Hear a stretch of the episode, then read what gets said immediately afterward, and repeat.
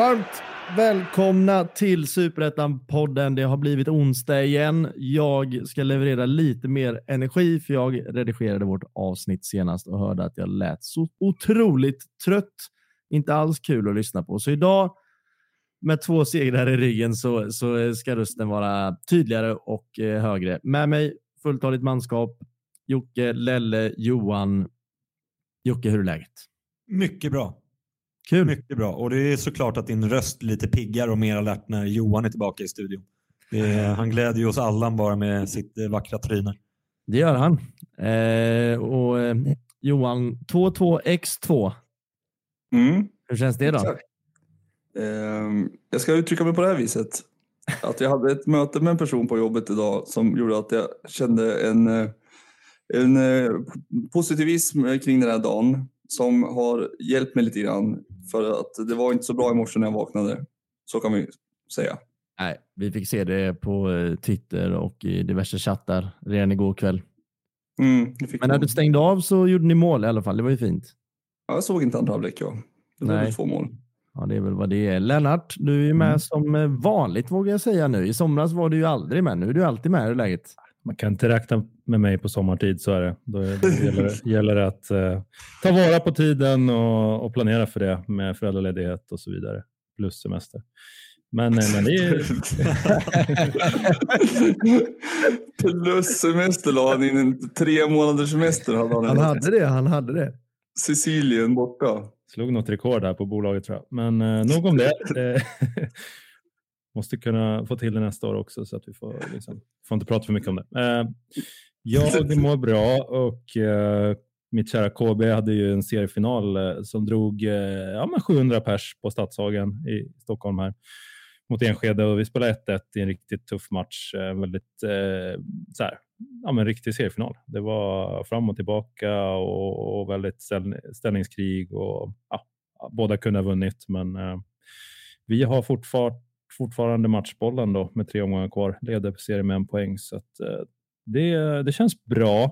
Jag måste bara fråga Johan, var det en spåtant du träffade? Ja, eller det var nog någon som kunde bekräfta mina känslor bara, som kände lite samma sak, fast Mm. på ett härligt sätt. På något. Okej.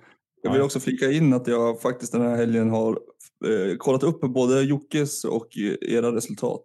Faktiskt. Kul. Så att, eh, det börjar ta sig. Jag ska med en kollega och kolla KB på lördag faktiskt. Ja, ska det vara värst då? Nu försökte jag smöra här. Eh, vi måste ju, eller vi måste inte, jag vill fråga även Jocke. Du, du är också fotbollstränare tänkte jag säga. Du är fotbollstränare, inte sportchef. Eh, hur går det? Det går bra. Vill jag... Eh, Nej, men, eh, som Lelle så fint eh, pikade mig för två veckor sedan där när vi förlorade en tidig seriefinal mot AIK. Och eh, sen var det landslagsuppehåll förra helgen och sen var vi tillbaka på vinnarspåret nu igen när vi slog Rösse från Uddevalla med 6-1.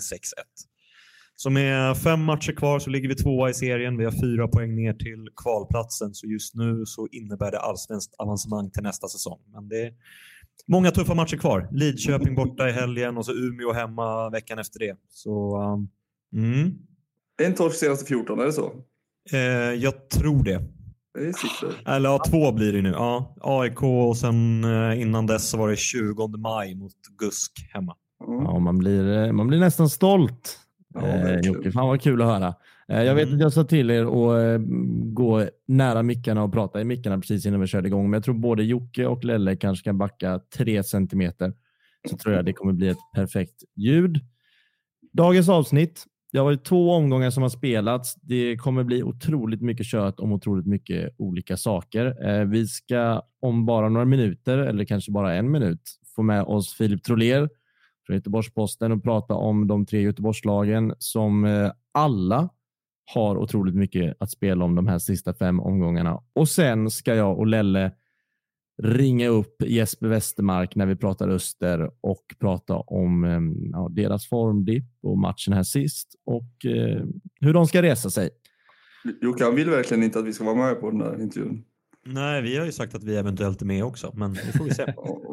Verkligen inte intresserad. Ja. Det glömde jag av. Vi ska alla prata med Jesper Westermark helt enkelt, förhoppningsvis.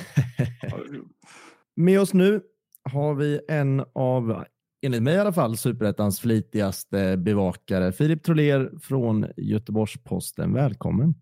Tack så mycket. Fin introduktion. Det njuter vi av. Ja, hur är läget?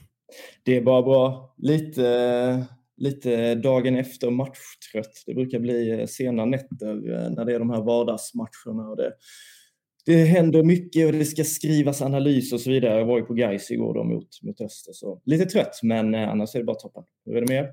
Jo, det är väl bra. Vad säger ni andra? Bara instämma. Fantastiskt. Jag var väl också en anledning till att du var uppe sent igår. Jag försökte få hit dig och jag tror vi skickade väl våra sista sms efter midnatt där. Så så är det. Eh, ja, du var ju på Gais igår. Enligt mig en av kanske Gais bästa insatser för säsongen. Eh, var i ordningen lägger du gårdagens prestation?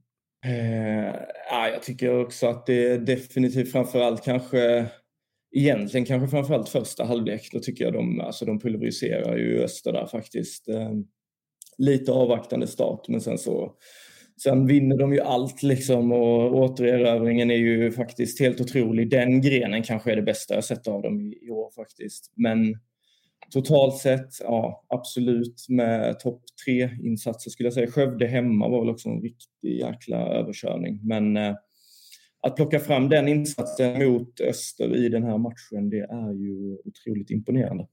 Mm. Ja, Skövde hemma är ju Skövde hemma ändå. Mm. Eh, det kanske inte var total dominans, trots att jag var nära på att twittra det igår eh, vid niosnåret. Men den prestationen som du säger mot det motståndet, eh, mer eller mindre allt står på spel. Var du förvånad eller var det väntat? Eller vad känner du kring guys för stunden?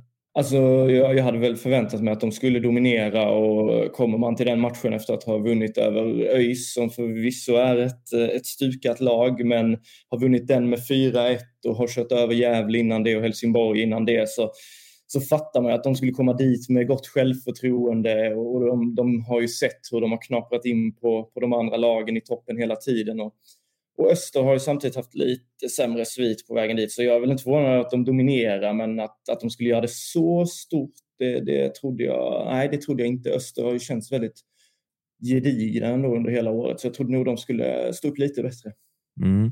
Ja, matchen i alla fall för egen del kan vi ju gotta oss i hur länge som helst, men det blir ju, det blir ju väldigt snabbt gårdagens nyheter, så jag vill, jag vill prata om lite andra grejer. Julius Lindberg till exempel, det var ju alla skriverier och eh, det var ju ni som, som var först med, med Häckenkopplingen. Är det fortfarande så? Är det något nytt där eller hur ser, hur ser det ut? Han har ju verkligen börjat prestera. Jag förstår att ni fiskar efter alla chanser. Att, eh, finns, det, finns det någon möjlighet att Julius blir, blir kvar?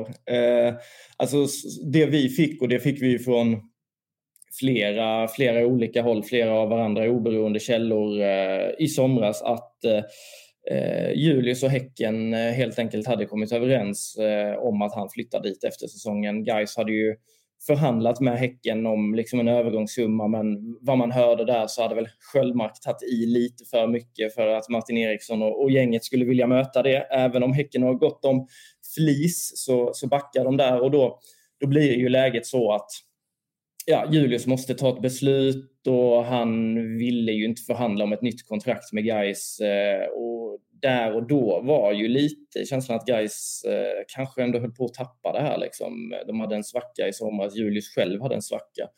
Eh, så jag förstår väl kanske liksom på ett sätt att han då väljer att göra klart någonting och också att att han kanske kände sig lite stressad över situationen. Att vad händer om jag dippar nu? Kvarstår intresset då? Och så vidare. Men här och nu, hur det har blivit, så kan man väl ändå... eh, Jag kan väl tänka mig att han, han funderar en del över det. Men vad, vad vi har hört så finns det liksom absolut inga, liksom inga möjligheter att ta sig ur den där överenskommelsen. Sen är det möjligt att vi kanske inte känner till alla detaljer, men, men nej, allt pekar väl på att Julius spelar Häcken 2024.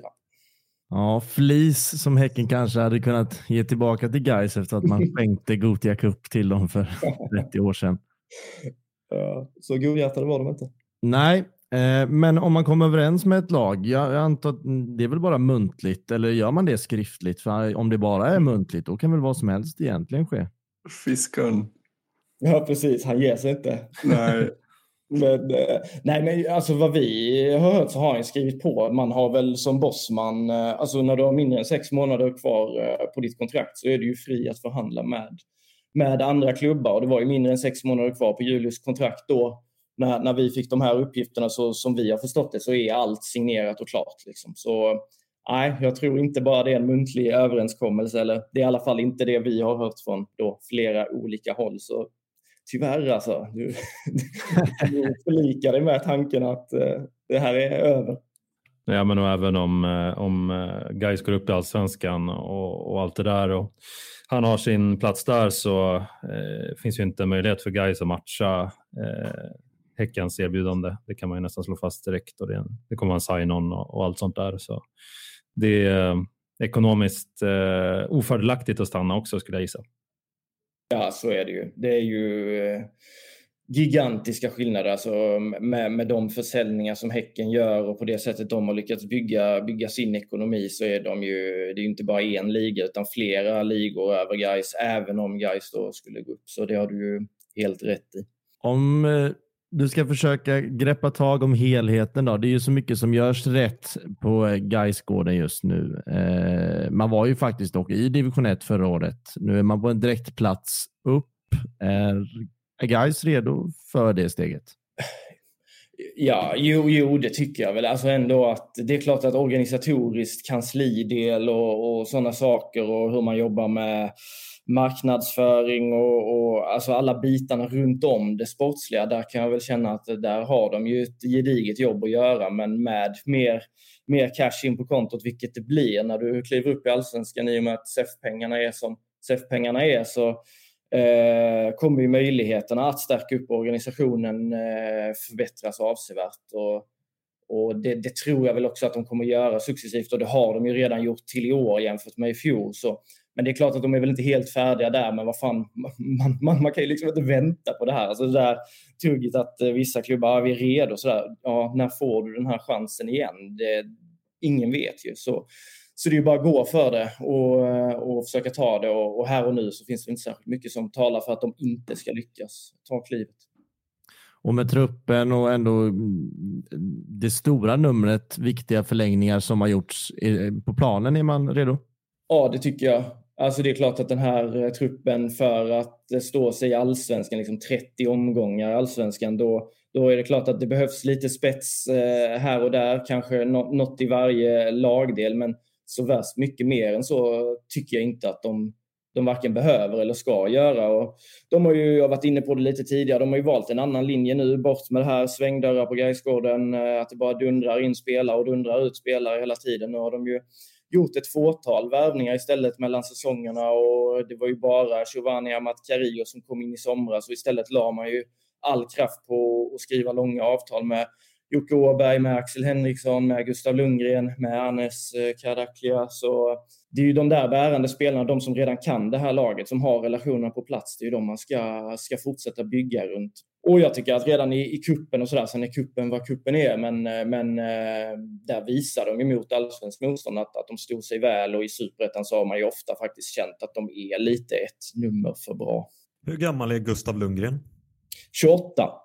Alltså hans karriär är så jävla ja. häftig. Ja, den är sjuk. Den är sjuk. Spela Onsala liksom för ja, vad är det, två, två år sedan. Eh, och så nu som, som 28-åring kommer han upp, vinner kanske assistligan då i superettan. Är en av Gais bästa spelare och kommer ju få spela allsvenskt då, alltså, sannolikt, om de håller det. Finns det några spelare som, som Gais får svårt att behålla tror du, som de vill behålla? Jag tror ändå det är jäkligt många där som, som inte vill kliva av det här utan som vill se hur, hur långt går det att ta sig med, med Fidde och, och Kenneth Gustafsson, deras bygge. Och bilden man får är att de trivs otroligt bra, flera av dem. Och nu har de ju safeat upp lite. Annars hade ju såklart Arnes hade ju varit en sån unga talangfulla spelare. Det är det alltid massvis av, av ögon på. Det är väl inte omöjligt om han skulle fortsätta prestera att klubbar kommer vara där och, och, även lägga bud. Men nu har de liksom ett femårskontrakt så då kommer de göra en god ekonomisk affär i så fall. Axel Henriksson hade också varit en sån som har blivit jättesvår att behålla om de inte hade förlängt hans avtal och gjort det ganska rejält. Men som jag ser det så, så tror jag de, eh, de flesta kommer uh, vilja vara kvar. Det är väl Filip Bäckman som är lite sådär, han har inte skrivit på nytt än. Eh, han har kontrakt över nästa år också. Han var ju grym i våras, en fantastisk eh, talangfull mittback som ja, kanske var deras bästa mittback i våras, men som nu har hamnat lite vid sidan och ja, och inte skrivit på nytt trots att de förhandlar och sådär. Så det är väl lite oklart vad som händer med honom och han är också en sån där spelare som vi har hört att alltså flera, flera av de allsvenska klubbarna var och tittade på, bland annat Malmö FF i, i, i våras. Så hög potential på den gubben. Lennart och Jocke kom in på det, men det var väl egentligen det sista jag ville fråga kring innan vi gick vidare till de andra Göteborgslagen. Du skrev ju ett reportage här om Gais fantastiska fyra, som du så fint kallar det. Fyra mittbackar som har presterat över hela säsongen och de har rullat på mer eller mindre hela tiden. Ehm, de är födda åldrarna 05, 03, 99 och 98, vilket är, ja, det är sanslöst. Om guys går upp till allsvenskan, kan man behålla alla? Ska man behålla alla? Eller kan det till och med vara smart att se på en lösning med Filip Bäckman, att man kanske cashar in där? Ja, det, jag reagerar på mig själv. Jag hade, jag hade skrivit någon Norén och Frej att de var veteranen, sånt där, födda 90, 98, 99. Sjukt. Men, men det är ju så, Annes och Filip är ju väldigt unga. Nej, alltså jag, hade jag varit guys, jag hade gjort allt för att behålla Filip Bäckman. För jag tror att det är samma som med Anes där. Alltså kan du få han på ett längre kontrakt Eh, och han kan eh, liksom ta ytterligare kliv, då är det ju en eh, supermöjlighet till att göra en eh, dunderaffär. Så jag hade, hade jag varit guy så hade jag, ah, jag hade lastat in mycket för att, för att han skulle stanna, även om nu Arnes och, och Norén har varit grymma. Men Norén och, och Robin Frey, de kanske, ja, de, de är ju gedigna fotbollsspelare och båda två har gjort en fantastisk säsong, men de kanske inte, alltså det finns kanske inte så mycket mer att hämta i dem. Jag tror de skulle kunna göra det jättebra i allsvenskan också, men det är ju Arnes och, och Bäckman som verkligen har potential. Och så bra det verkar funka med alla, alla fyra ihop och sådär. Så, och Frej som också kan spela på andra positioner. Så nej, hade jag varit guys och, och varit dem så hade jag, hade jag också liksom stannat och, och kört på det här. För visst, man får stå över någon match då och då, men i och med att Fidde rullar som man gör så får man ju ofta spela. Vi ska ju prata med Jesper Westermark sen. Eh, Hur, vad, vad tror du av hela händelsen med, med, med tröjan och hans eh, väldigt, ja, förvån, jag blev väldigt förvånad när han kommenterade det som han gjorde. Vad, vad känner du kring den situationen? Ja, det var ju framförallt en udda situation, men han och Norén var ju på varandra hela matchen och gnabbades och bufflade och höll på. Liksom. Så, alltså det är väl inget, det är väl inget konstigt att det blir sådana dueller, men det blir ju jävla skumt när man ser att Norén står där utan, utan tröja. Och sen är ju Sen är det ju klart att det är ju otroligt mycket känslor. Henriksson är där och, och käftar och, och August Wengberg kommer dit och, och fladdrar med det. Alltså jag, ja. Men JV är ju också en mycket god kålsupare när det kommer till trash talk och, och hålla på med fulknep och sådär. Niklas Andersén var ju ute innan matchen och sa att eh, ska man stoppa honom så ska man göra som han själv gör, spela fult och sådär. Så, så han, eh, han är väl som sagt, han, han gillar det där också. Men jag blev väl också lite förvånad när han sa så om, om Wängberg, men vad fan, de har fem minuter tidigare så har de förlorat eh, kanske den viktigaste matchen för året och, och han hamnar väldigt mycket i centrum och supportrarna sjöng om honom att han var för kass för grönsvart och sådär. Så det är väl klart att man i, i stridens hetta kan kasta ur sig något sånt där och jag tycker väl egentligen att eh, fan det där var ju bara kul och, och, och Wängberg han tar ju det bra också. Så, så det lär säkert vara hur lugnt som helst eh, framöver. Jag tycker bara det är lite extra, lite extra bränsle på, på, på den heta superettan-elden. Vi började högst upp i tabellen bland Göteborgslagen. Eh, vi tar ett steg ner. Utsikten. Vad är det som händer? Eh, det, det, kan man fråga sig. Vi har själva i vår podd på, på GP nästan ställt oss frågan, vill de vinna de här matcherna eller, eller vill de inte gå upp för att de känner att de är, är så ofärdiga? Lite det du var inne på innan, att de är, om Guys har en bit kvar organisatoriskt så är utsikten, alltså det är mil ifrån att vara en allsvensk förening på, på eh, andra plan än det sportsliga. Ser Gais-supportrar, de hetsar ju lite att Bosko han brukar, eh, han brukar tappa det, att det håller aldrig hela vägen. Och det är klart att han åker ju med där i det, i det känslomässiga och tenderar ju att balla ur lite när det går, går emot. Men samtidigt så tror jag inte det är där det klämmer, utan jag tror mer det klämmer i att de, eh, dels har de väl kanske fått lite mer med sig än vad de har förtjänat om man tittar på de bakomliggande siffrorna och sådär. Eh, men sen också så tror jag bara att det är en sån jäkla omställning för det här laget. Det är så många spelare där som Ja, några av dem har ju varit i allsvenskan och varit i, i större klubbar och sådär, men de har ju aldrig spelat viktiga roller nästan. Så jag tror bara de, eh, de har chokat lite mentalt. Alltså de har känt att eh, shit, här är vi på väg mot allsvenskan och allt fokus var ju på dem ett tag där alla ville skriva om dem, alla ville, ville beröra utsikten och ja, det är väl inte konstigt att man att man eh, kanske svävar iväg lite grann. Men det är ju för dåligt att de liksom sex raka matcher utan vinst och sättet de har förlorat på också är ju faktiskt Örebro-insatsen, det är ju pinsamt. Så jag, lite, eller jag förstår väldigt mycket att folk bara undrar vad, vad fan är det som händer. Hur många anställda har de idag? Jag pratade med någon om det igår också, att det känns som att de har ju oerhört mycket som måste till om de ska upp till allsvenskan, känns det som. Eller? Ja, Absolut. Alltså jag, de, har ju, de tog in Simon Andersson som en slags klubbchef nu på någon halvtidsroll. Det är lite sådär, du vet, halvdiffusa lösningar. Det är någon som är mm. på, på, mindre procent och sådär. Ingmar Lundin liksom som rattar hela grejen. Han har ju ingen, mig veteligen i alla fall, någon tjänst, utan det är ju ideellt. Och, och mm och så där. Så det är ju egentligen som jag har förstått det liksom runt den sportsliga organisationen där. Där har man ju de anställda och sen är det egentligen inte så mycket mer eh, så. Hur ser kontraktssituationen i Utsikten ut? Är det så att de, det är så pass illa att om de inte går upp i år så kan de ramla ur nästa år? Nej, det tror jag inte. Alltså, det är klart, superettan den är ju sjuk. Alltså, du kan du kan vara högt och du kan hamna lågt väldigt snabbt om du, som du är inne på, om spelare skulle försvinna och sådär. Men de har ju ändå säkrat upp några, några viktiga. Nu är Karl Bom skadad, men han skrev ju på ett längre kontrakt exempelvis. Och det är klart att det är en hel del utgående kontrakt. Jag har inte så i huvudet nu exakt på, på, på vem som sitter på vad. Men eh, där, där, är ett gäng utgående kontrakt, men jag tror ändå möjligheten för Utsikten att förlänga med, med flera av de här spelarna, är, alltså, den chansen är ändå stor. för Alltså ta en sån som Erik Westermark, fantastisk spelare i Utsikten. Han är en lagspelare och, och, och, gör allt i varje match och har blivit en jätteviktig kugge för dem. Men hur attraktiv är han för andra klubbar? Liksom ska han flytta? Som att många av de här killarna har ju också jobb vid sidan om och har rotat sig ett liv i Göteborg. Så jag tror nej, jag tror ändå risken att det ska bli någon slags eh, eh, vad säger man, flykt från, från utsikten, det, det har jag ändå svårt att tro, även om de skulle misslyckas med att gå upp. Jag tänker på, men på finansieringen där. Det är ju knappt en, en människa på deras hemmamatcher som inte Nej. ens spelas på deras hemmaplan. Så bara där har de ju väldigt svåra förutsättningar om de skulle gå upp eh, till, till att bygga något hållbart. Men, men den här mannen Ingmar Lundin eh, kan du inte ge oss lite en story om honom? Var, var kommer pengarna ifrån och varför gör han det?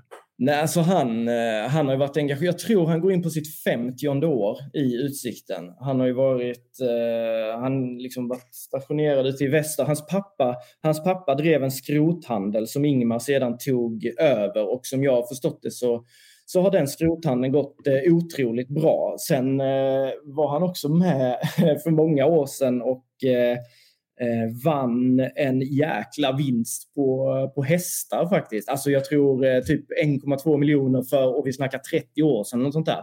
Så det motsvarar ju ganska mycket pengar om vi ser till dagens penningvärde. Men han har väl eh, via, via framförallt då det här skrothandeln eh, lyckats bygga sig en, en stark ekonomi och han har ju pumpat in som jag har förstått ja vi snackar miljoner i Utsikten under de här åren. Och det tror jag faktiskt han gör för, för kärleken till, eh, till klubben och att han är ju Alltså det är ju en person som likt Bosko, alltså det är så mycket eld där så att eh, ibland är det ju svårt att ta in. Han, han är ju han blir så förbannad, han blir så arg, liksom uppeldad hela tiden så fort det går mot utsikten eller om vi inte skriver om dem så hör han av sig. Så här. Men han bryr ju sig så sjukt mycket om dem och, och har ju ett sånt enormt hjärta för dem. Så jag tror bara hans, eh, hela hans drivkraft har varit att, ja men lite som, eh, som Bosko och så många av spelarna, att de vill motbevisa omvärlden, alltså göra mm. något, något sjukt som, som alla, ska, alla ska komma ihåg i, i fotbollsvärlden. Sista anhalt då, Örgryte. Det blev vinst mot Gävle igår. Eh, man ligger näst sist i tabellen. Ehm, men hoppet lever ju. Det gör det ju verkligen. Hur går, hur, hur går snacket i det lägret?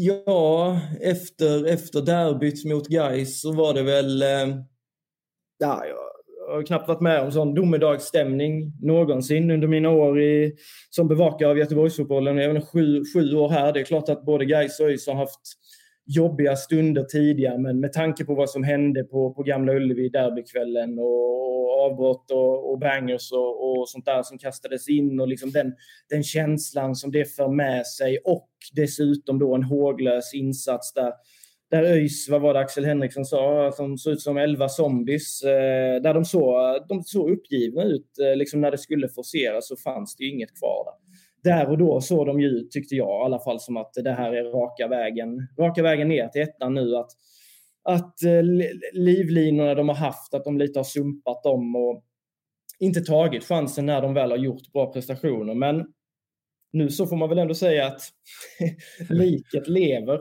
Och kommer man, eh, om det skulle bli så att de, eh, om, eh, om de löser den här, den här platsen och, och tar sig till ett kval och hänger kvar och sådär så är det klart att det kommer finnas någon, någon fin berättelse att skriva där om hur, hur Daniel Paulsson i, i dimman i Gävle liksom sköt tillbaka hoppet. Hur, hur, hur, han som har varit där hela, hela sitt liv egentligen och att, att det var han som tog dem på, på rätt köl och så. Men det är ju fem omgångar kvar och det kommer bli svinsvårt tror jag för dem att ens lösa ett kval. HIF har ju fått, fått, luft, fått eh, luft under vingarna och starka Sundsvall, eh, de, de löser säkert också i, i, i slutändan.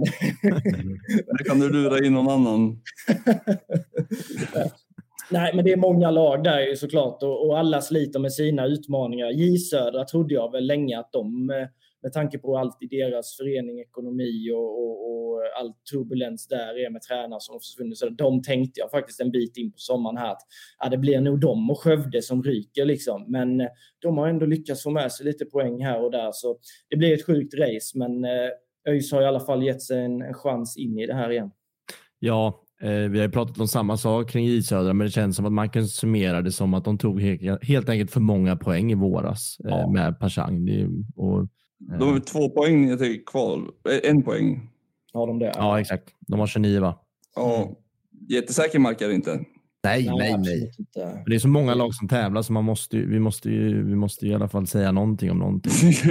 det här ja, nej, men jag, jag, har inte sett alla matcher med J jag har ju sett de matcherna de har spelat mot Göteborgslagen och där måste jag säga, trots att de vann över Gais på Gamla Ullevi, den, den berömda Ros-matchen, så, så är det faktiskt den, det sämsta motståndet jag har sett eh, mot Gais och det är det sämsta motstånd tycker jag ÖIS har mött också faktiskt. Eh, så, eh, och utsikten, ja där var de lite bättre men, men nej, jag tycker J Söder har sett otroligt svaga ut när man väl har, har sett dem. En sak vi eh, resonerade kring för några veckor sedan eh, i Örgryte, den här rekryteringen som skedde nerifrån, eh, Sabier Ruiz Osenda, han var ju tidigare i akademin, klev upp som ass i Örgryte här i krisen Eh, vi resonerade kring att det kändes som att ÖIS eh, insåg att de måste göra något. De vill, eh, slash kan, inte sparka Åbyn. Vi tar in lite nytt blod, lägger ut det på sociala medier och så ser det ut som att vi tar till åtgärder för att resa oss. Mm. Hur resonerar du kring den värvningen? Kommer ju från ingenstans.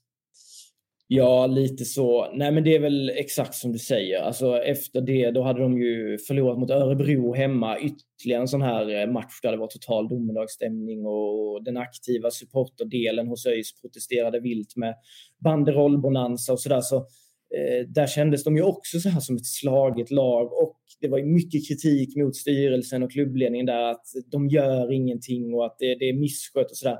Som du säger, de gör den, de tar in honom och visar då att Åh, här är vi handlingskraftiga minsann, nu gör vi någonting. Eh, och sen i samma veva så gjorde de ju också officiellt att de då släpper Matti Demegård, eh, chefscouten som har varit hårt ansatt också från, från en del av, av supporterskaran i, i ÖIS. Så där gjorde de vissa sådana grejer. Jag tror 100% att det handlar om att liksom lite få ner frustrationen och, och, visa att man gör någonting. Sen har jag förstått det som att Xavier är han är ju otroligt skicklig. Han var ju liksom Diego Simeones eh, analytiker under många år i Atletico Madrid. Och, och då är det klart att då, då, då, har du ju fotbollsöga helt klart. Och han har varit, som jag har förstått det, väldigt uppskattad i, i akademin och liksom ändå lyft, lyft standarden på den. Men, men det är klart att eh, lite av eh, lite av en lösning bara för att, att stilla stormen. Det tror jag definitivt att det var. Men, och jag vet inte om Jeffrey ville ha det eller inte, men eh, han har väl kanske inte så mycket att be för i det läget, även om de inte väl hade tagit in honom. Han var helt jävla emot. Liksom. Sidospår. Varför går man från Atletico Madrid som chefscout till ÖIS? han gjorde inte riktigt den raka övergången. Den hade varit sjuk. Den hade varit något att skriva om. Men eh, han eh, landade i Real Sociedad och Real Sociedad är ju ÖIS samarbetsklubb. Eh, mm.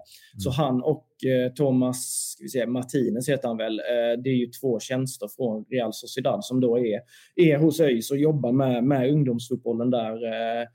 Eh, Eh, Martinez är eh, ungdomsscout och Xavier. Sociedad ÖIS är det är rimligt, så att det, det, det förstår man ju. Ja, verkligen va? Ja.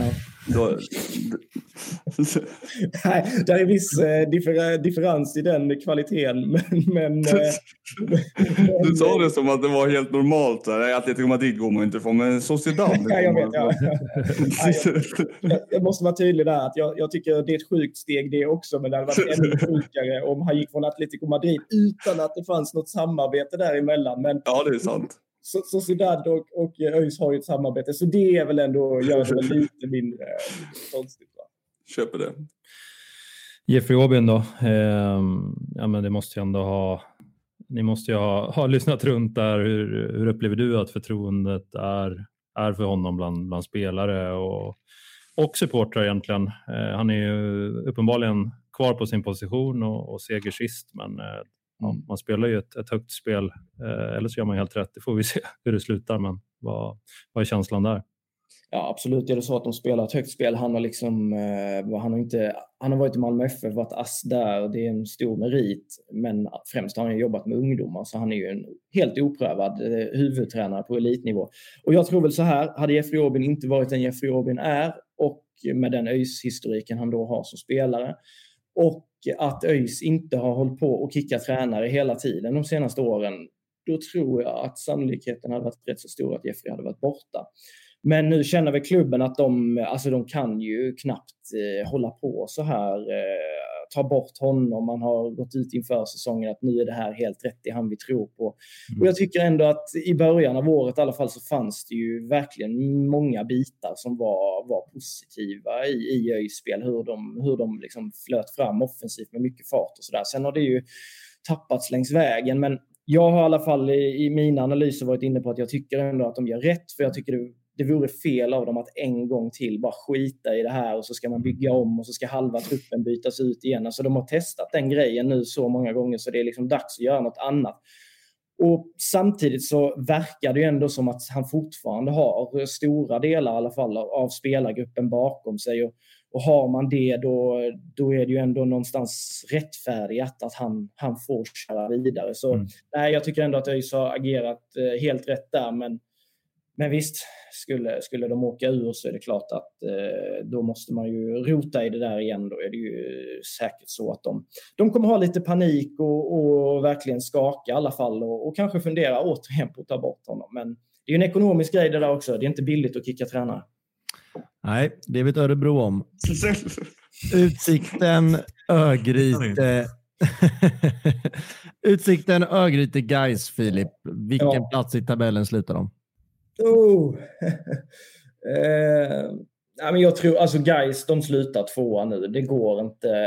Jag kan inte se, även om de har en lurig match nu mot Trelleborg borta, som är lite så grismatch, kan det säkert bli på på Tjongavallen eh, med mm. gamle tränaren Stefan Jakobsson som säkert kommer eh, ha lite extra, extra taggning inför den matchen. Jag tror den är lurig. Jag tror nästan det är den svåraste matchen de har kvar, även om de har VSK borta också. Men jag tror VSK kanske är klara redan då. Jag tror Gais eh, slutar två i alla fall. De löser det här. Det blir eh, återkomst till slut. Utsikten, ja, jag tror nog att de ändå tar sig samman här. Eh, öster ser fasen inte helt uppåt ut heller nu. Så tack vare det och att de har lite marginal på öster så tror jag att de hankar sig till den där, eh, den där kvalplatsen. Men den, den, det racet tror jag helt avgörs hur det går när de möts på Bravida. Det gör de väl här direkt efter uppehållet, tror jag. Men jag tror Utsikten slutar trea. ÖIS Nej, jag tror faktiskt inte de löser det. Jag tror inte, jag tror inte de fixar det. Jag tror de slutar näst sist. Skövde får de väl bakom sig, men, men jag, tror, eh, jag tror de misslyckas. Det kommer vara tajt in i det sista. Jag tror det kommer gälla, jag tror det kommer gälla allt in i omgång 30 för, för flera lag säkert. Men tyvärr får man väl säga för Göteborgsfotbollen så, så ser jag det som en väldigt stor risk att de åker ur.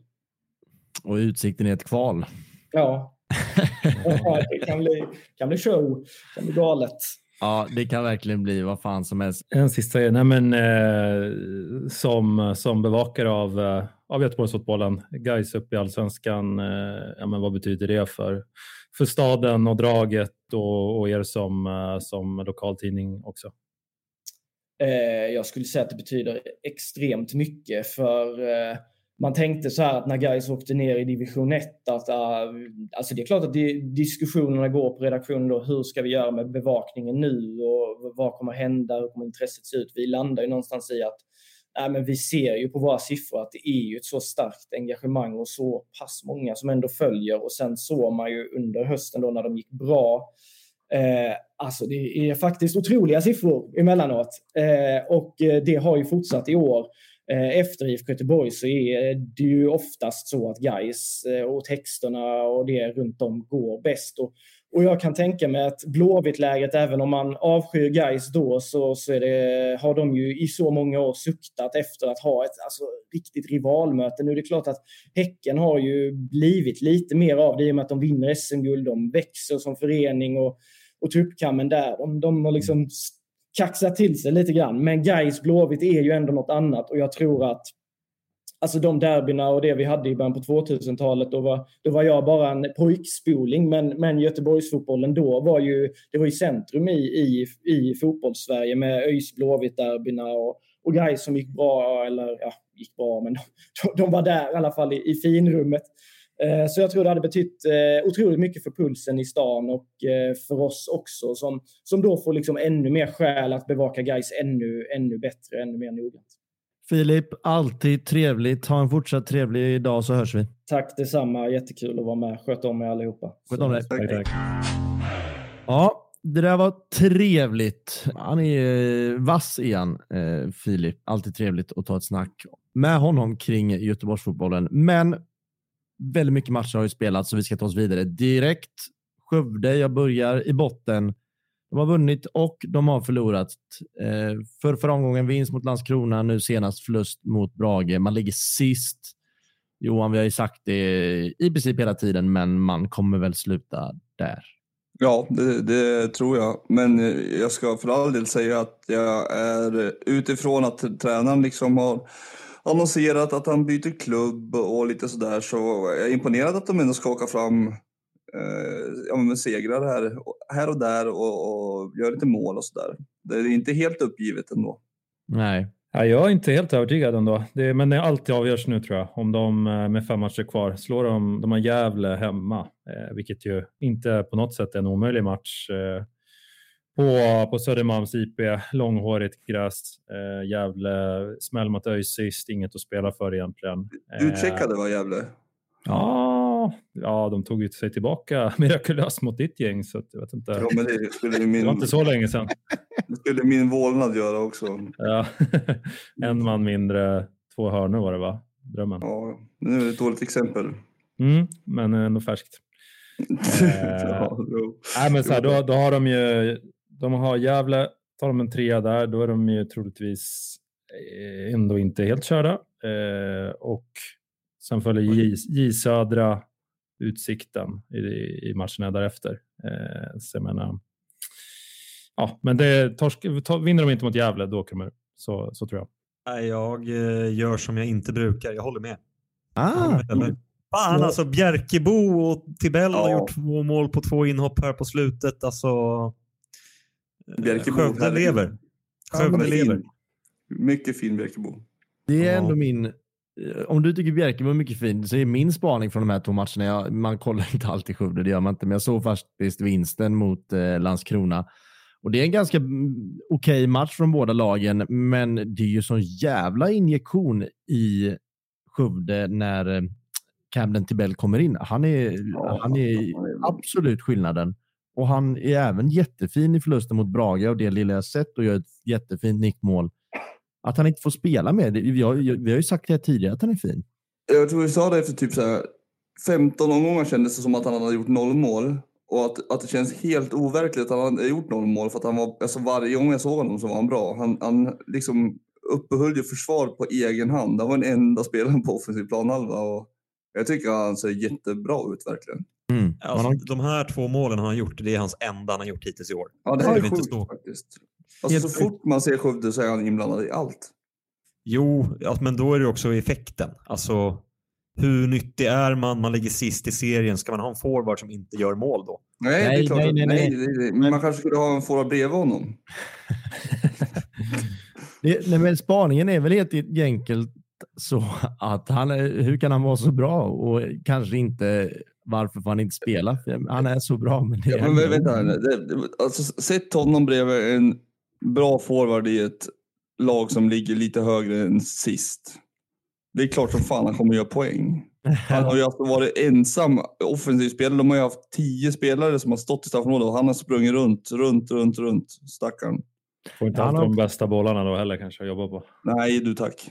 Nej, så är det ju. Sen har han en intressant spelstil och fysik. Han är ju, han är ju väldigt tankig och väldigt straffområdig, men också ganska kort. Han är running back i NFL skulle jag säga. Eller? Verkligen. Jag tycker det ser ut som att hålla in R1 på Fifa ofta. Ja, nej, jag tänkte dra en jämförelse med Agüero, men eh, det gör vi inte. El Conejo, den lilla kaninen. Det är Ja, men bara det enkla att han liksom är otrolig på att hitta rätt straffområdet samtidigt som han har inte gjort har gjort mål. Svag. Det var som när du sa att Kalle Holmberg bara gjorde fula mål. Han har gjort fyra drömmål på Ja. fem. Ja, nej, han är ett stort frågetecken. Jag antar att mina argument kring honom är, är detsamma. Eh, Jag vidhåller att han är bra. mm. Och eh, både Jocke och Lelle pratar ju om att det finns chans att de kan lösa det här, så mm, det ska bli kul att se.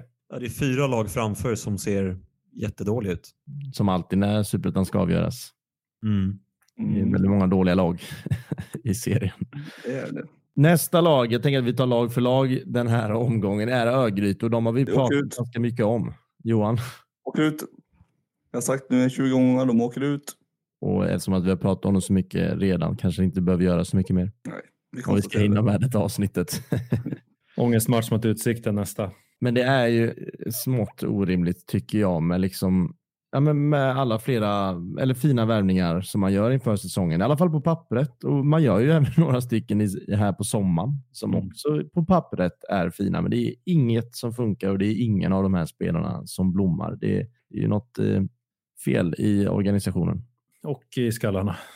Men, eh, men det vore, jag skulle tycka att det var väldigt trist om, om ÖIS åkte ut. Eh, Mm. vad, vad, vad ska de vara i ettan att göra? Men Nej. det- Nej, de ska vara i i Superettan, absolut. Men jag tror inte de klarar det.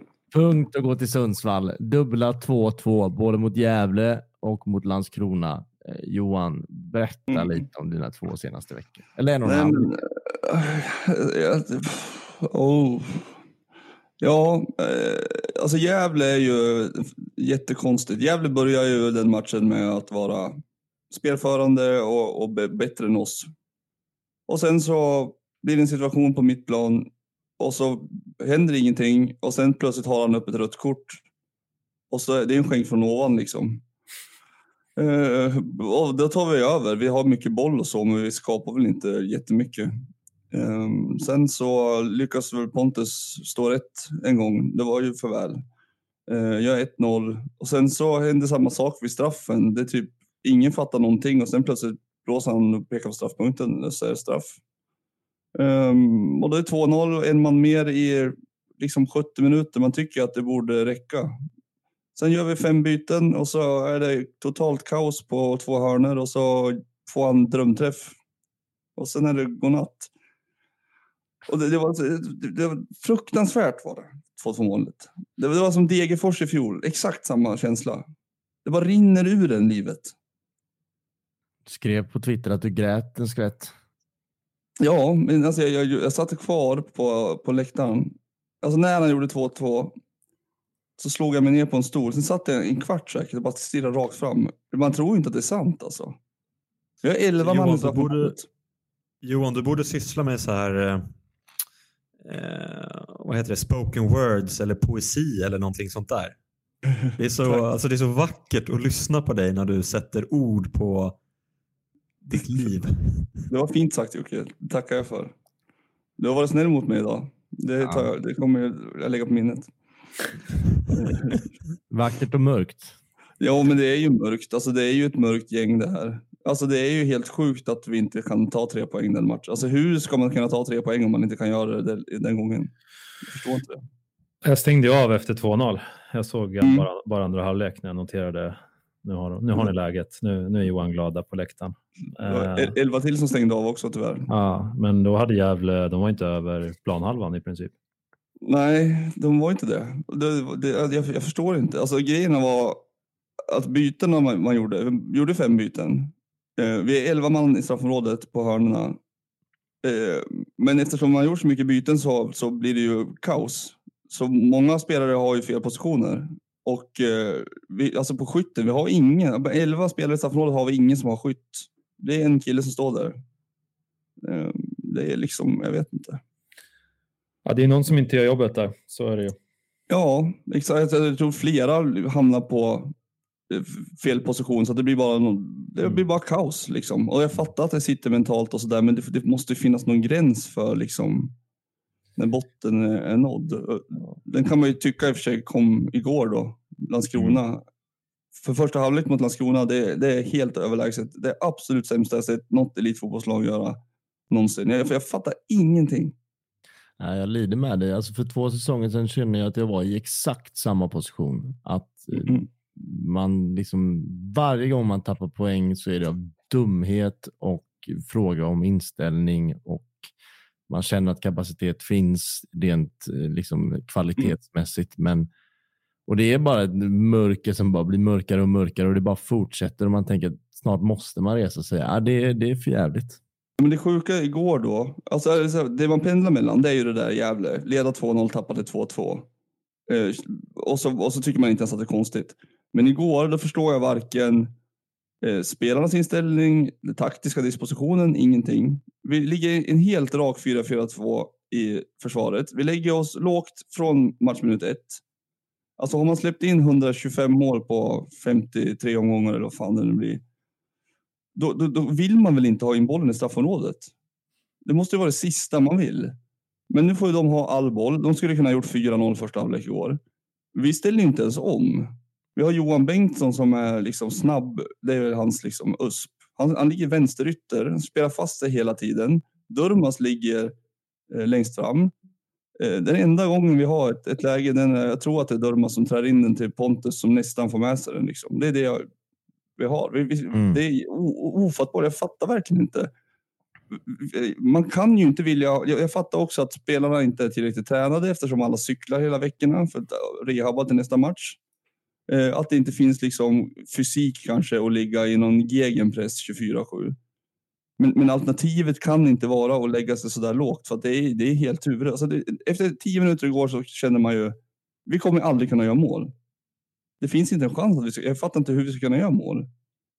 Och Nej, ni har ju bara två spelare som liksom smält in mål i allsvenskan. Det är helt sjukt att man då känner ja. den känslan. Man, man, man, är helt uppgivet och, och igår var jag, jag, nästan helt ärlig, 26 år. Jag skulle kunna tro att jag tror faktiskt aldrig det har hänt. Jag stängde av efter första halvlek. Jag, jag klarade inte av att se det, men det gick inte att titta på det. Jag fick fysiskt ont i kroppen. Ja, Jocke, Sundsvall ligger på 13 plats. Var slutar Sundsvall? Alltså, Johan äh, sätter ju så bra ord på det och det, det ser ju onekligen mörkt ut. Och det här var väl resonemanget vi var inne på ganska tidigt också med Sundsvall som i sig är en ganska stor och anrik förening som de senaste egentligen 6-7 åren har varit ett bra lag i allsvenskan också. Eh, och inget ont om Dogge, men det är en oerfaren tränare och, och är det rätt att eh, lägga en persons kortsiktiga framtid på en eh, 90-talist i det här fallet. Den är, den är tuff. Den är jävligt tuff att hantera. Mm. Så svaret på frågan blir? Jag tror att det blir väldigt svårt. Ja, det skulle inte förvåna mig alls om det är plats 13 som Sundsvall slutar på när, när den här säsongen eh, är klar. Jag tror att de klarar sig från direkt nedflyttning i alla fall. Ja, där är jag helt enig. Helsingborg. Ja, wow. Otroligt. Jag hade inte sett det framför mig att de skulle skölja över Örebro som vi ändå har hyllat här på, på slutet väldigt mycket. Men de fick en drömstart med, med ett tidigt mål och, och, lite vad det kan göra. Sen känns det som att nu är det ju en stor fördel att möta lag som är i, i mittens rike. Eh, just det här eh, motivationsfaktorn tror jag, eh, ja, det, kan man samla sina krafter och, och vara lite hetare i dueller och springa lite mer än, än motståndarna och så där så, så kan man göra det nu i slutet när eh, en del i Örebro kanske tänker på sin eh, Dubai-resa i, i december mer än, eh, ja, mer än vad, vad som kommer hända i tabelläget om man slutar eh, sjua eller elva spelar inte så jävla stor roll kanske. Men eh, imponerande och just den här matchen och kul att se. Eh, nu håller jag inte på Helsingborg, men, men så här, Erik Ring, Löper, Lima. De tre hade ju väldigt stor inflytande på, på den här matchen och de här tre poängen. Ronne tillbaka också från start. Just det. Mm, just det. Den är viktig. Det har vi varit inne på tidigare, vad han har betytt för den där klubben. Ja. Eh, vi skulle, jag försökte få Baxter till avsnittet idag. Det är ju allmänt känt att Helsingborg ger eh, gärna ut sina personer efter vinst och verkligen inte efter förlust. Eh, och Han skulle nog varit, men han hade ledig dag idag och deras eh, kommuniké fick inte tag i honom. Så nästa vecka kanske vi kan hoppas på Baxter. Förhoppningsvis att de vinner då. Men ja, avsnittet är redan långt så vi, vi rullar helt enkelt vidare. Jönköping, ett lag som eh, ett lag som har två olika sidor, pre och post Pashang, eh, som det heter. eh, Men- men Jag, må- jag tänkte på det igår att eh, Silverholt är ju den som har liksom ersatt honom. Vi har pratat en del om honom. Jag måste ändå säga att han har fan inte gjort bort sig eh, ändå. Han har gjort sina mål. Han är, alltså, han är ju bra fast på ett annat sätt än Pashang. Men jag tycker ändå att han har gjort, gjort vad han har kunnat utifrån Mm. läget. Jävla tur för dem måste jag säga. Det, är- Mm. det är han, han där och Sekovic från, som de tog från Östersund som är ju en vild chansning som inte alls flög i, i ÖFK. Eh, det är de alternativen de har som, som nummer nio. Liksom. Nej, men det, Tele Silverholt har ju kommit igång eh, mer eller mindre senaste en och en halv månaden kanske. Mm. Eh, Det är väl det som verkligen har synts nu. Han har väl eh, fem plus två tror jag på eh, ja, sex, sju matcher här. Eh, Så han har verkligen kommit igång. Innan det var det ju inga mål från honom och det var ju också en period då vi sa att Jönköping åker ut här. Så det kanske är så enkelt att om man har en nia som, eh, som spelar okej fotboll, då, då stannar man i superettan. Ja, jag tror ju att de kommer trilla ner något pinnhål till. Jag sa ju när vi pratade om Skövde så sa jag att det finns fyra lag framför som är riktigt dåliga just nu. Och då var det ju ÖIS, AFC Sundsvall och J Södra som jag syftade på. Jönköping kommer vara med i omgång 30 och fightas om det här. Mm. Det är fortfarande kolla deras bänk är ju den är faktiskt ja, den är, den är ganska svag. Den är, Basisson, vad han menar. nej, just det, ja. han, fick, eh, han fick vila idag. Mm. Men eh, nej, jag tror också att eh, det är mycket ändå mörka moln över, över. Å andra sidan måste man credda deras publik. Alltså. Jag tycker deras, eh, när man kollar, kollar deras matcher och de är alltid på plats och borta matcher, eh, reser land och rike och där har de ju lite extra procent att hämta ändå, tror jag, spelarna. Att de, de känner att eh, vi ska göra det tillsammans och att de har fortfarande stödet sjukt nog eh, på ett bra sätt och, och väldigt mycket fans på plats eh, på hemmaplan också. Eh, på ståplats helt enkelt. Så det, det tycker jag är, är coolt. De hade någon gratis match nu där det, det kom ganska mycket folk också. Så. Ja, det är så jag med. Ett lag ändå som eh, vi vill ha i superettan, eller? Jag vill. Det är ju en klubb man vill ha i Superettan. Ja, kanske man ska uttrycka det. Ja, fantastiskt vacker arena och en, en ganska stor stad, eh, mellanstor stad i Sverige. Eh, allsvensk historik, inte så länge sedan. Har vi gjorde ändå par fina år där med, med Jimmy Thulin. Um, så det tycker jag. Samtidigt har de ju misskött sig så grovt och haft så mycket rotation i, i klubbstugan där och på styrelsenivå också. Så att eh, då på något sätt förtjänar man ju inte att, att det ska gå bra heller. Skövde och AFC kan gärna få åka ur sett till liksom historik och lite sådana saker. Det, Mm. det gör mig inte så mycket. Nej, eh, funderar också kring lagen där nere. AFC är ju såklart given. Eh, Skövde, ja. Sundsvall, Helsingborg, J Södra. Det är ändå klubbar man vill ha kvar. Ja, när man väl kollar på Södermalms IP på tvn så hade man ju, det är ju lite segt att vara på markhöjd med kameran. Eh, så, så ja, Samtidigt det som kommer upp är inte ashett heller. Oddevold leder Söderettan just det. Ja. där eh, Falkenberg och Lunds BK framförallt eh, eh, utmanar om kvalplats. Och Sandviken har nio poäng ner i norra så de lär ju gå upp. Och, och där bakom Dalkurd, Nordic United och Vasalund framförallt som är om Ja. kval. Så det är ju inte Ja. jätteheta klubbar heller. Har ni hört Sandvikens inmarschlåt? Nej. Nej. Oj, oj, oj, fy fan vad bra den är. Pratar vi sanning här eller är vi ironiska? Ja, ja, ja, alltså den är verkligen otroligt bra. Jag tycker inte Sandviken, om man ska ta dem, är, är så tråkiga. Nej, de är- Eh, de har ju, de har ju, dels har de ju liksom en, någon form av läktarkultur med, med en klack som Mm. åker till och med bortamatch i ettan. Och sen har de ju, ja det är ju liksom Sheffield, Sveriges Sheffield med Sandvik stålpengar. De har ju jäkligt mycket eh, sponsorintäkter från, och främst från Sandvik och ett samhälle bakom sig. Eh, Så Mm. det är ganska häftigt, häftigt eh, projekt det där. Projekt är det inte att säga, men nu blev det så. Men, Jag kan ändå hålla med när jag funderar på det. Ja. Det är mer att man inte har sett dem i det här rummet tidigare. Men de har en relativt nybyggd arena, har de inte det? Ja, den har väl några år på nacken, men, men den har en hyfsad kapacitet och det har varit en del klassiska derbyn mot, mot Gävle i, eh, Mm. i ettan där det har varit liksom så här 5000 pers. Alltså det, och det blir ju en rivalit- rivalitet där. Det är, det är inte långt mellan de, de städerna. Så, eh, ja, jag är inget emot Sandviken Nej, om man de, får välja de, det, är det är ju inga andra i den norra serien som jag är särskilt taggad på. Det är ju alltid de senaste åren de här nystartade klubbarna i Stockholms Ja. storområde som utmanar och det, det är man ju självklart inte taggad på. Sen Oddevold, eh, var det de som hade re- restaurerat någon arena nu och uppe på någon klippa och grejer? Det såg rätt, rätt ballt ut. Ändå klassiskt gäng väl? Det är ju, Ja. Sver- det är ju, alltså det är ju, om man säger, det är ju Sveriges absolut vackraste vall. Om ni har Mm. varit, inte varit där så ska ni Ja. dit. Eh, Ja. Det är ju verkligen en vall. Det är inte många platser och sådär, men eh, den är jättevacker. Ja. Liknar lite eh, Huskvarna när de var i Superettan. Hade ju också Men, jäkligt, har, är det Rimnersvallen? Oh, eh, Heter den det? kan Är det den som är nybyggd i Uddevalla? Låter bekant.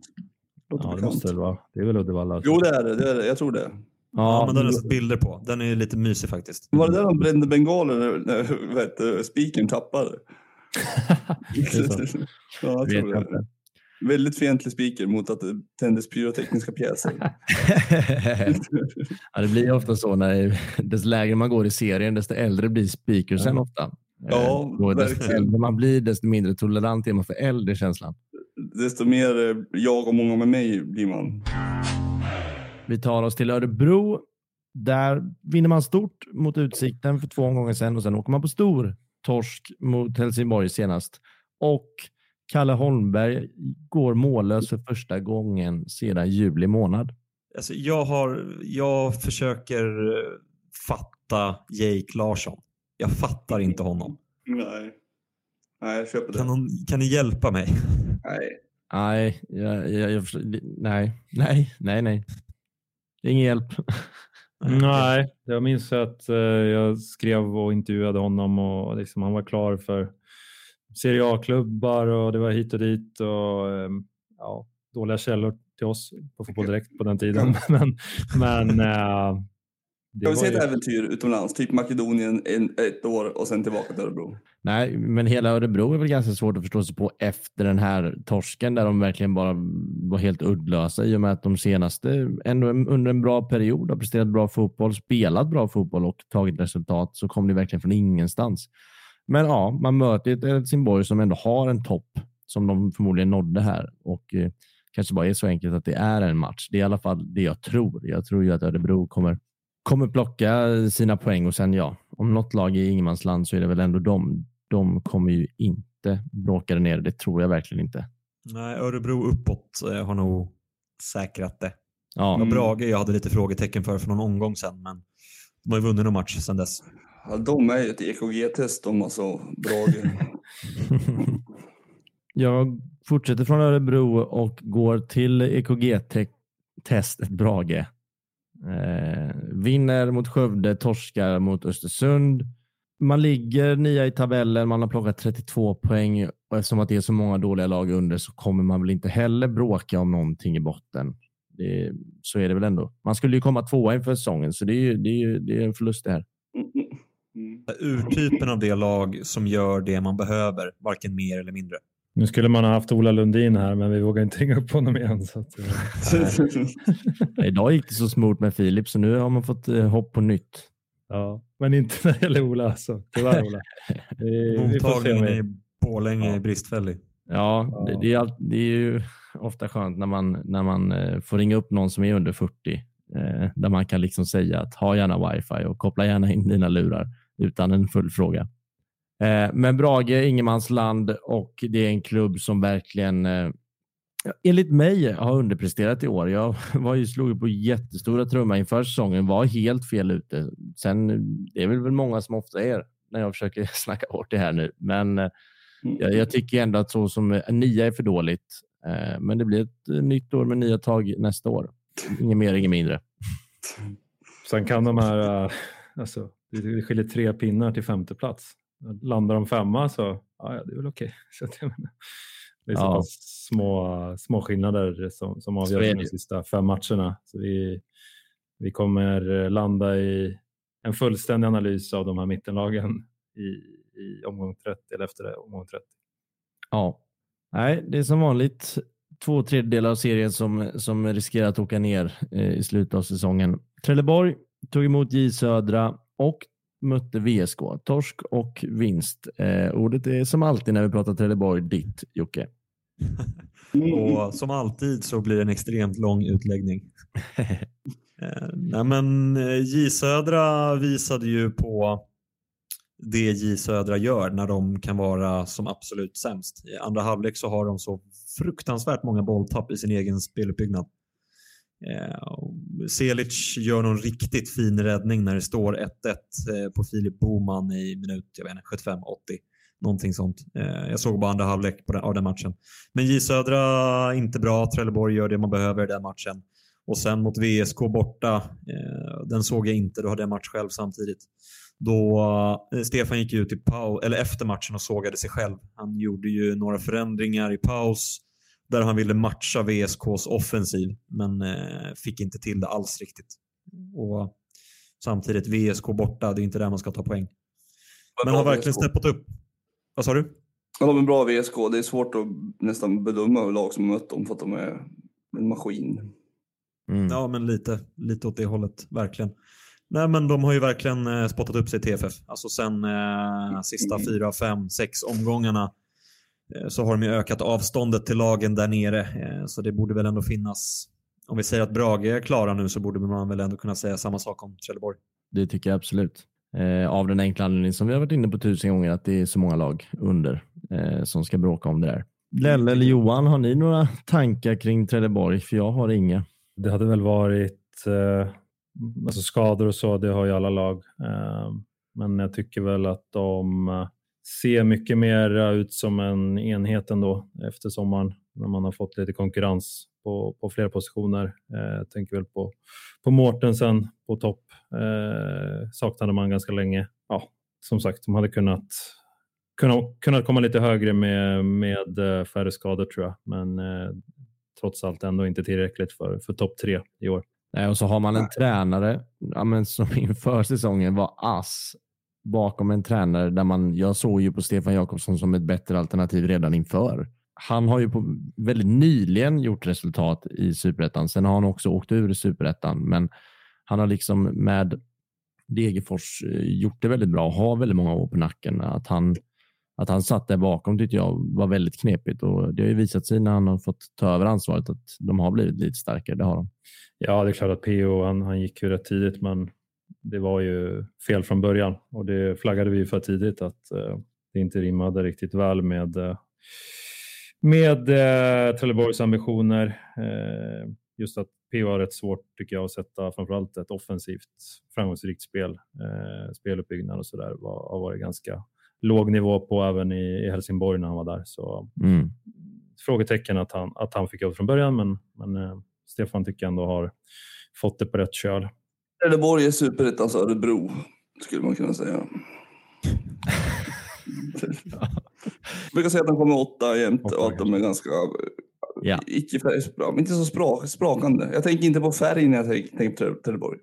Nej. Gävle, de eh, torskar mot ÖIS nu senast och spelar lika 2-2 mot eh, Giffarna. Eh, om vi pratar lag som har sin plats kvar i Superettan nästa år så är ju Gävle ett av dem. Eller? Ja, hatten av, tycker jag. Ja, oavsett om de dalar här på slutet så eh, Mm. de har ju gjort tillräckligt för att hålla sig kvar i princip redan nu. Så det, det, någon seger till så, så kommer Väldigt det inte vara. Ja, det är väldigt De, de har ju ångestmöten eh, framöver dock. Det är Skövde borta och sen är Helsingborg efter det. Ja, men det, det gäller ju också att lagen bakom ska börja gå nästan rent för att det ska hetta till ordentligt. Det kommer inte hända kan jag säga. Mm, nej, men, eh, mer, mer bara att Gävle är det laget som ligger framför J Södra som eh, har klurigast spelschema tycker jag. Mm. Det De finns alltså, utsikten kvar. Det finns utrymme för att det ska skita sig för många fortfarande alltså. Ja, jag- Ja, men för fan. Alltså, Östersund på sjätte plats har ju fem poäng ner till kval. Ja, det hade smakat fågel om de hade kunnat åka på. Men eh, Östersund förlorar ju typ aldrig. Så att det, Nej, det, det, det är de det som där talar emot. kryssen kommer väl eh, fortsätta ramla in och, och då kommer det räcka. Det är det som talar emot att de åker ur. Synd. Nej, jag tror att eh, ja, Gävle, alltså det, det räcker ju med en vinst på fem matcher för Gävle Östersund. Ja, ja de klarar sig. 36 Ja, jag tror de klarar sig också. Men eh, jag tycker det är lag som har klurigast spelschema i alla fall. Mm, köper det. Ja, ännu ett trött gäng Östersund. 2-0 Ja. vinst på Brage, 1-1 mot J Södra. Ska vi gå vidare? Ja, tack snälla. Målet i Södras. Ja, vad gör han? Nej men, vad, nej men vad är det för mål? Men när en tabbe går till sån nivå, då, är det, då, är det, då känns det som att man inte ens kan kritisera. Det är bara så, ja. Det, det är liksom... det blir han, så. han, gör- han gör nog inte fler sådana exakta tabbar i sin karriär. Nej, Läropeng. klubban i alltså, isen. ja, ja, vi släpper det. Landskrona.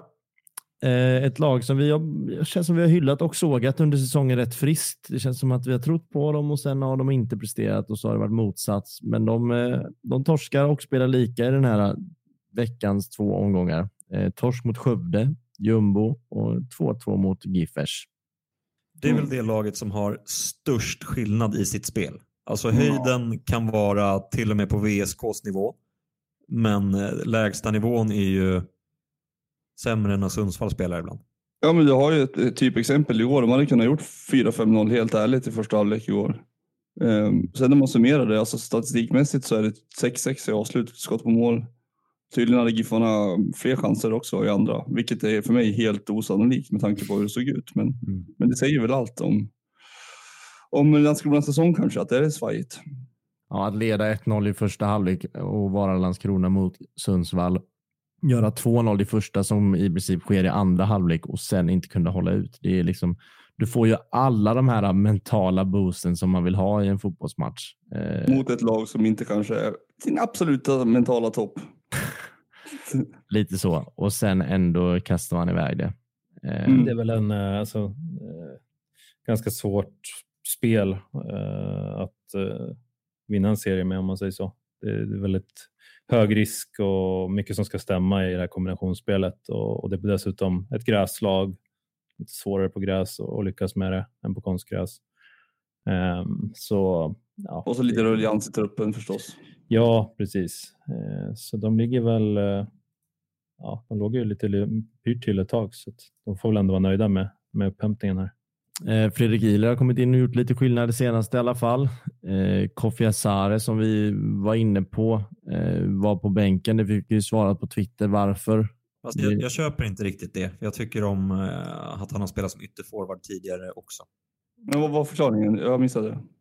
Att när de bytte till Max Mölder att de har gått över till en eh, 3-4-3 mycket tydligare. Var det inte det? Mm. Mm, exakt så. Men, men min tes är ju att med Billy så varierade de både alltså 4-3-3, 4-2-3-1 och 3-4-3 lite grann och jag tyckte att eh, Koffi spelade, jag har inte statistiken framför mig, men att han eh, kunde spela som yt, eh, ytterforward då i 3-4-3. Eh, Mm. Jag förstår vad han menar och det kanske är en stor del att Max Mölder inte tycker att han passar i det, men jag tycker fortfarande att han har spelat en del tidigare Mm. i den positionen. Ja. Han var inte på bänken igår så säger jag dock. Tror han skadad. Nej, men det, det, det, alltså det är väl en blandning av att positionsbytet har gjorts, vilket gör att han kanske är på en position som anses vara lite sämre än där han spelade innan och att Fredrik Ihler har börjat prestera och kommit in i laget. Den kombon gör ju att speltiden blir mindre. Mm, mm. Jo, sen tycker jag att Diawara tycker jag är bäst när han är som central nia ändå. Mm. Men det är ju min egen take på det. Alltså Koffi har ju ändå startat eh, 16 av matcherna i år. Ja, det lät ändå lite när du sa det. Men, ja. 16 av 24. Jo, jag vet, men jag menar de bästa spelarna i ett lag spelar ju oftast alla matcher. Och han... Jo, men vi vet ju om att han har roterat. Alltså det var det jag Mm. menade, att argumentet, eh, jag kommer inte ihåg vem det var som skrev till oss, Nej. men att det inte riktigt höll för att han har startat mer tidigare i, i en sån position. Eh, vi ska ta oss till Öster. Eh, de har spelat lika mot Helsingborg och de torska här igår mot Gais. Ehm, ja, ett lag som eh, när, när, serien, när serien drog igång, då sa vi det här laget plockar Ja, men det här laget går upp, eh, punkt. Så var ju diskussionen då. Sen har det hänt mycket. Den slips som är ett problem. Mm. Som Jag tror Lennart var först med, jag tror mot Gävle där vände när han började häxa. Kasta in. Ja. Ja, Nej, men det, är- det är ju försvarsspelet som har, har varit den största eh, liksom, akilles i, i det här laget. Eh, och Alltså, tryggheten börjar ju bakifrån med, med Prekovic som eh, har väldigt hög högsta nivå men, men uppenbarligen en, en lägsta nivå som, som inte jag trodde fanns där. Eh, Nej, och när man, när man kommer till den punkten och börjar prestera sämre fotboll, då blir det ju också att varje gång man får bollen på fötterna vill man bara slå långt. Och in, bollinnehavet blir ju mindre. Och varje gång han ens ska agera så är det ju med mindre självsäkerhet. Som målvakt så är det ju avgörande totalt. Att du, att du tror, på att, ja, men, tror på dig själv helt enkelt. Ja. Det är liksom ett eh, eh, bottenbetyg när man har Westermark, Bergmark Wiberg. Då är Rodic har gjort nio assist. Alltså det är ju hyfsade poängplockare ändå. Mm. Eh, Det hade inte krävts jätte, jätte, jättestora insatser defensivt för att absolut vara på en bättre position än vad man är tror jag. Nej, och sen tror jag att eh, det har blivit såklart en tyngd på axlarna, eh, favoritskapet här eh, ja, de senaste veckorna. Det När är det delvis självförvållat kan jag känna. En eh, svansföring som eh, kanske biter dem i, i, svansen tänkte jag säga. Men ja, det kanske man säger. Ja, ja def- definitivt. Nej, vi får se. Jag, som sagt, de ska ju inte ge upp eh, kvalplatsen, men, eh, men Utsikten har ju sjukt nog eh, fortfarande marginal med sig där. Ja. Jag tycker Ja. just det ser väldigt, väldigt, väldigt bra ut när de är bra. Liksom. Alltså, jag tycker Ja. verkligen att de kan se extremt bra ut i perioder. Men, men sen så, det är inte tillräckligt bra. Nej. Det var ett litet tag sedan de, de var bra faktiskt. Jag menar, vi pratar om att utsikten klappar ihop och att det mentalt inte stämmer. Jag menar, i förra matchen mot Helsingborg, då går ju... Det ska de vinna. Ja, och Jesper Westermark har ju en halvtidsintervju där han absolut eh, inte är jätteglad när han pratar med, med kommentatorerna kring målvakten, eller målvakten, domarens prestationer och det är helt sjukt att han har fått det här gula och han, är, han säger till dem, "Men vad tycker ni? Får inte ni tycka något? Får ni sparken då? Och, ja, han är frustrerad helt enkelt och nu senast mot Mm. Wängberg så ja, de tre oskönaste spelarna i serien om en spelare han har spelat med i samma lag. Jag menar, det, det är ju inte harmoni.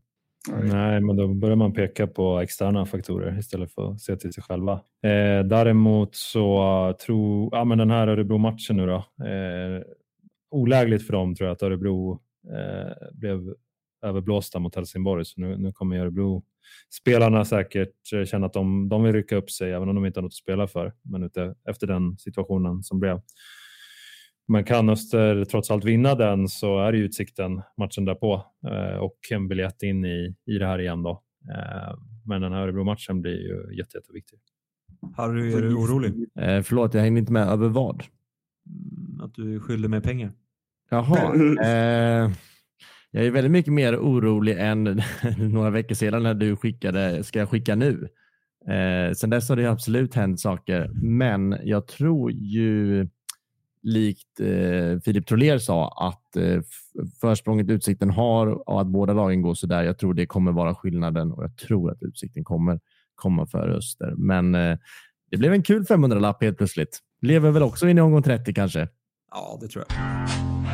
Och nu tänkte jag säga att vi ska sluta spekulera för vi har med oss Jesper Jonasson Westmark. Men vi hördes för två timmar sedan. Jag har skickat sms och frågat om han är redo, men det är helt tyst på den fronten. Så ja, det om det. Vi tar det sista laget. Laget som har cementerat sig på första platsen och kommer sluta etta i tabellen, det är ju Västerås. De vinner mot AFC, de vinner mot Trelleborg. Lelle, det, det som vi har sagt ett tag, att de kommer ta sig förbi Utsikten. Nu har de gjort det och eh, de, är väl, de går upp helt enkelt.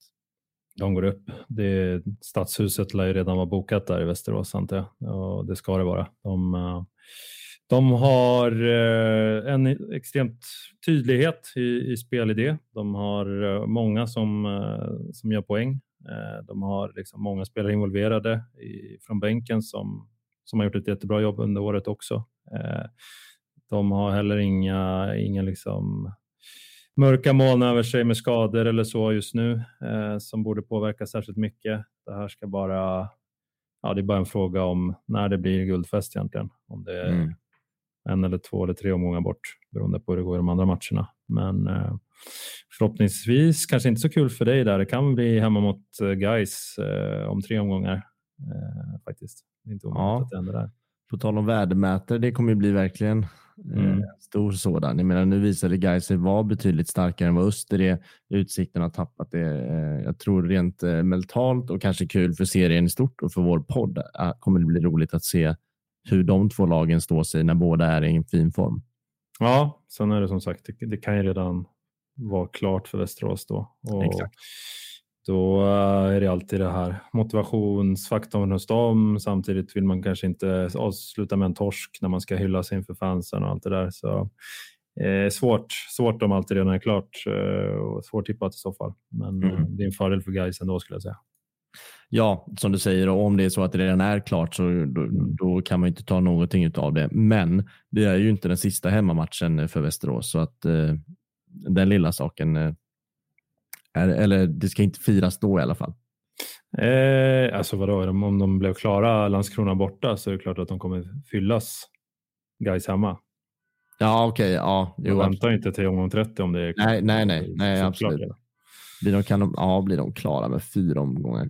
Eller med det tre omgångar kvar? Ja, det kan de. Jo, det kan de de har ruggig marginal och, och liksom kampen om kvalplats går ju trögt. Det är mm. inte lag som vinner, vinner efter noter där om man säger så. Så det tror jag. Och Västerås har J Söder nästa. Eh, svårt att se att de inte vinner den med tanke på båda lagens kvalitet just nu. Ja, eh, men det är lite kul med Västerås för vi pratar mycket om eh, vem som gör det i Utsikten, vem som gör det i Öster och vilka som gör det i Gais. Men mm. i Västerås är det Jabir Abdihakim Ali som har gjort tio mål där fram. Ja, trots att han inte har startat regelbundet heller egentligen. Nej, exakt. Och det är väl framförallt sedan sommaren han har dragit igång på riktigt. Men mm. Eh, under det hittar man ju inga stora målskyttar i det där laget. Nej, det är lite häftigt. Det inga alls? Nej, det är väldigt utspritt och då har de ändå gjort rätt duktigt med mål. Så att, eh, ja, det är kanske inte som man trodde att man måste ha den här givna skytteliga eh, kungen liksom, som slåss om, om, om de siffrorna. Det är väl Kalle Karlsson och kollektivet som ska hyllas här helt mm. enkelt. Det är det. Stadens son Kalle. Nej, det är häftigt. Jag känner honom personligen, men, eh, men eh, som han fick ett eh, fin rubrik där i Aftonbladet tror jag. Han bär staden på sina axlar. Och, ja, men det är häftigt. Kalle som mm. är från, från Västerås och, och liksom varit en supporter till VSK som ung. Eh, det, jag vet att det här betyder det är väldigt mycket för honom att han är, var extremt stolt eh, när han fick jobbet i Västerås som ass. Och ett par år senare så, så står han här då efter att VSK liksom hankat sig kvar egentligen år efter år eh, genom kval och så vidare också. Väl. Det, det har varit eh, ett par tuffa år och, och, nu har man fått träff och jobba rätt och jobba bra. Verkar ju som att man äntligen kan, kan titta liksom, bortom eh, ruinens brant ekonomiskt också. Särskilt om man går upp här så, så uh, blir det ett välkommet tillskott i, i en, en, kassa som inte är, ha, har varit jättetom eller jättefull om man säger så, utan snarare minus varje år på grund av misskötsel. Så ja, Västerås, eh, väldigt kul för dem. Vi säger grattis helt enkelt. Det gör vi. Det gör vi. Ja, det blev du och jag Lennart som avslutade avsnittet än en gång tillsammans. Eh, de andra har ju andra jobb att utföra. Ja, men så är det. Vi, vi kan sitta och prata hela dagarna, men uh, Jocke och, och, Johan är, vi, är glada så länge de är med. Mm, det är vi verkligen. Eh, vi ska avsluta det här avsnittet. Tack för att du lyssnar.